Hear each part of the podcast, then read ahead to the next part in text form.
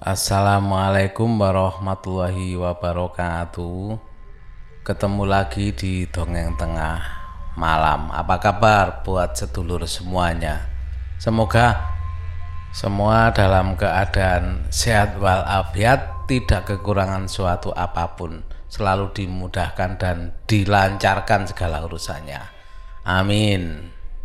Untuk kali ini saya akan membawakan kiriman cerita mungkin ada yang masih inget ya. Harusnya inget lah cerita Mas Tahu. Ya ini adalah Mas Yan ya mengirimkan cerita lagi tentang hmm, keluarganya.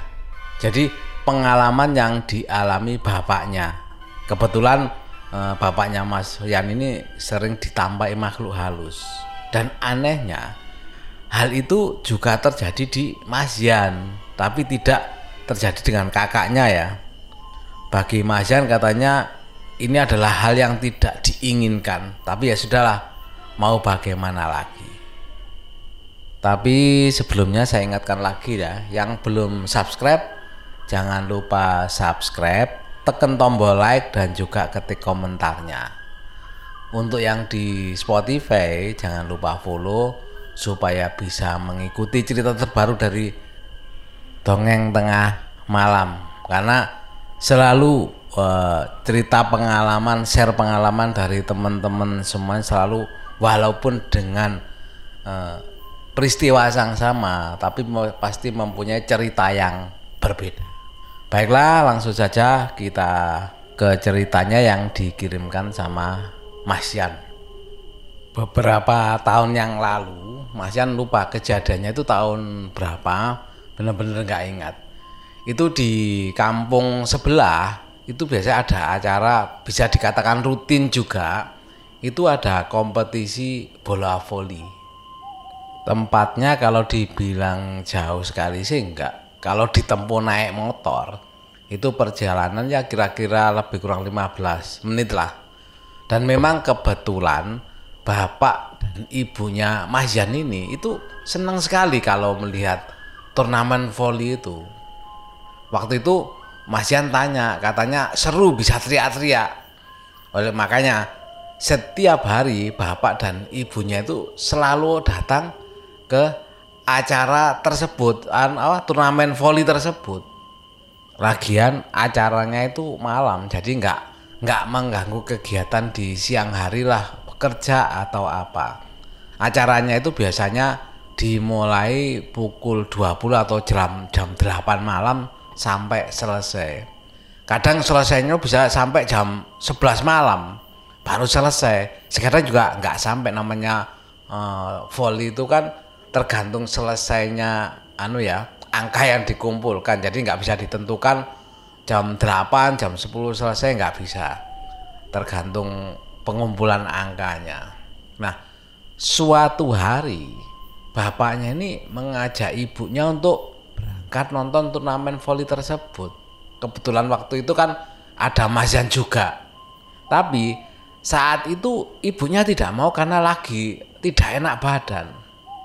Akhirnya eh, bapaknya pun mengajak Mas Yan. Tapi karena banyaknya tugas kuliah yang harus dikerjakan sama Mas Yan ini, Mas Yan pun menolak ajakan bapaknya itu. Ya karena nggak ada yang mau diajak akhirnya bapaknya pun berangkat sendiri untuk nonton voli itu. Saat berangkat nonton voli e, tidak ada kejadian apa-apa. Hingga sampai pertandingan voli berakhir dan bapak pun akhirnya setelah selesai nonton voli kan pasti perjalanan pulang ya.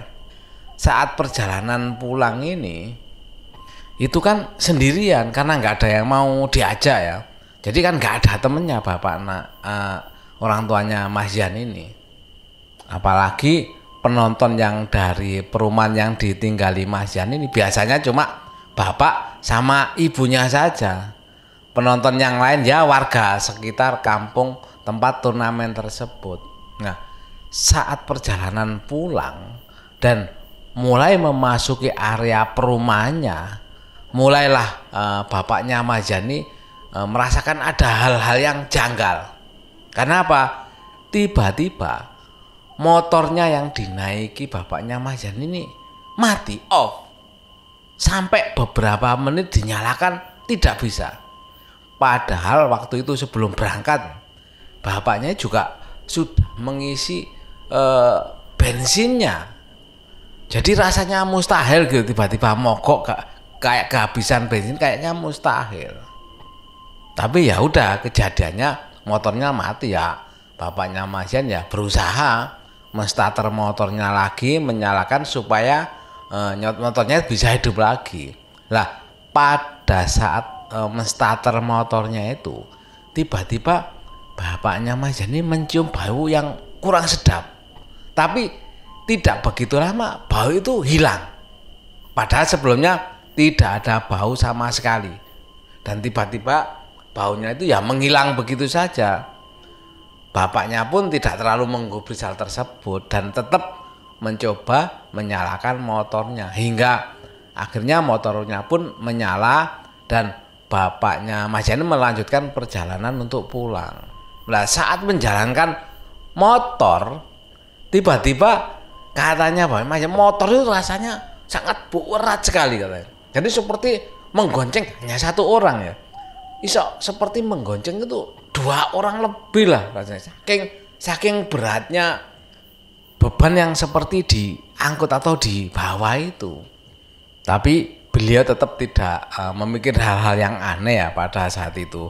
Bahkan begitu merasa berat yang di pikiran beliau itu mungkin banyak uh, bocor atau gembos. Makanya uh, beliaunya pun berhenti untuk ngecek apa banyak bocor. Dan setelah ditek ternyata nggak sama sekali. Jadi bannya itu masih eh, nggak kekurangan angin. Lah pada saat ngecek itulah e, bapaknya Mas Jen katanya mencium lagi tercium lagi bau yang tidak tadi. Dan lalu nggak lama kemudian ini sama kejadiannya. Nggak lama kemudian baunya pun menghilang. Lah mulai dari situlah e, bapaknya Mas Jani mulai merasakan sepertinya ada sesuatu kejanggalan dan merasakan merinding, merasa bulu kuduknya itu mulai berdiri ya. Merasakan itu tanpa pikir panjang. Bapaknya Mas Jen langsung tancap gas. Anehnya katanya, motornya itu masih tetap terasa berat. Jadi berat kayak beban gitu loh. Padahal jelas-jelas bapaknya Mas Jen ini sendirian, gak ada temennya tapi karena masih merasa merinding ya dengan kejanggalan yang dirasakan, ya sudah tancap aja sama bapaknya Wajan. Sampai eh, saat mulai memasuki tikungan gang rumahnya, bapaknya Mas Janu melihat di depannya ada sosok bayangan hitam besar yang melintas. Ya tentu saja melihat hal tersebut eh, siapa yang nggak merinding ya? Bapaknya Majani langsung semakin merinding, sudah merinding, semakin merinding dan ketakutan pun mulai dirasakan. Tapi ya mau gimana lagi ya genjot aja uh, sama bapaknya Majan motor dipaksa lah supaya bisa segera sampai di rumah. Saat sudah tiba di depan rumah, bapaknya kan turun dari motor ya. Tiba-tiba katanya motor motor bapaknya uh, Mas Yan yang dinaiki nih seperti uh, terha apa ya terhuyun gitu terhuyun itu apa ya? Seperti ada yang orang turun dari boncengan gitu. Padahal kan nggak ada siapa-siapa tapi yang dirasakan jadi kayak orang habis bonceng tuh turun kan mesti ada goyangan gini ya. Apalagi biasanya kan kalau gonceng cewek atau apa itu kan mesti turunnya dari kaki kiri dulu umumnya ya. Jadi merasa ada ayunan gitu loh. Sudah merinding ketakutan bulu kuduk merasakan hal seperti itu juga. Otomatis bapaknya Majan ya eh, panik lah.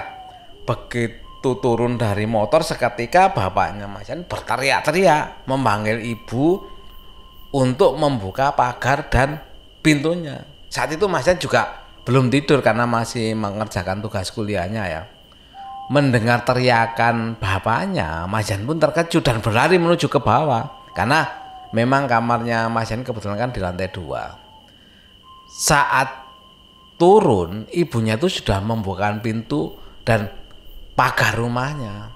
Mas Jan dan ibunya juga kaget melihat ekspresi bapaknya yang ketakutan. Kan kelihatan ekspresi ya wajah pucat itu pastilah orang takut itu pasti wajahnya pucat seperti itu melihat kondisi bapaknya seperti itu Mas Jan masih berpikir apa eh, bapaknya itu lagi dikejar begal atau ditodong orang ya?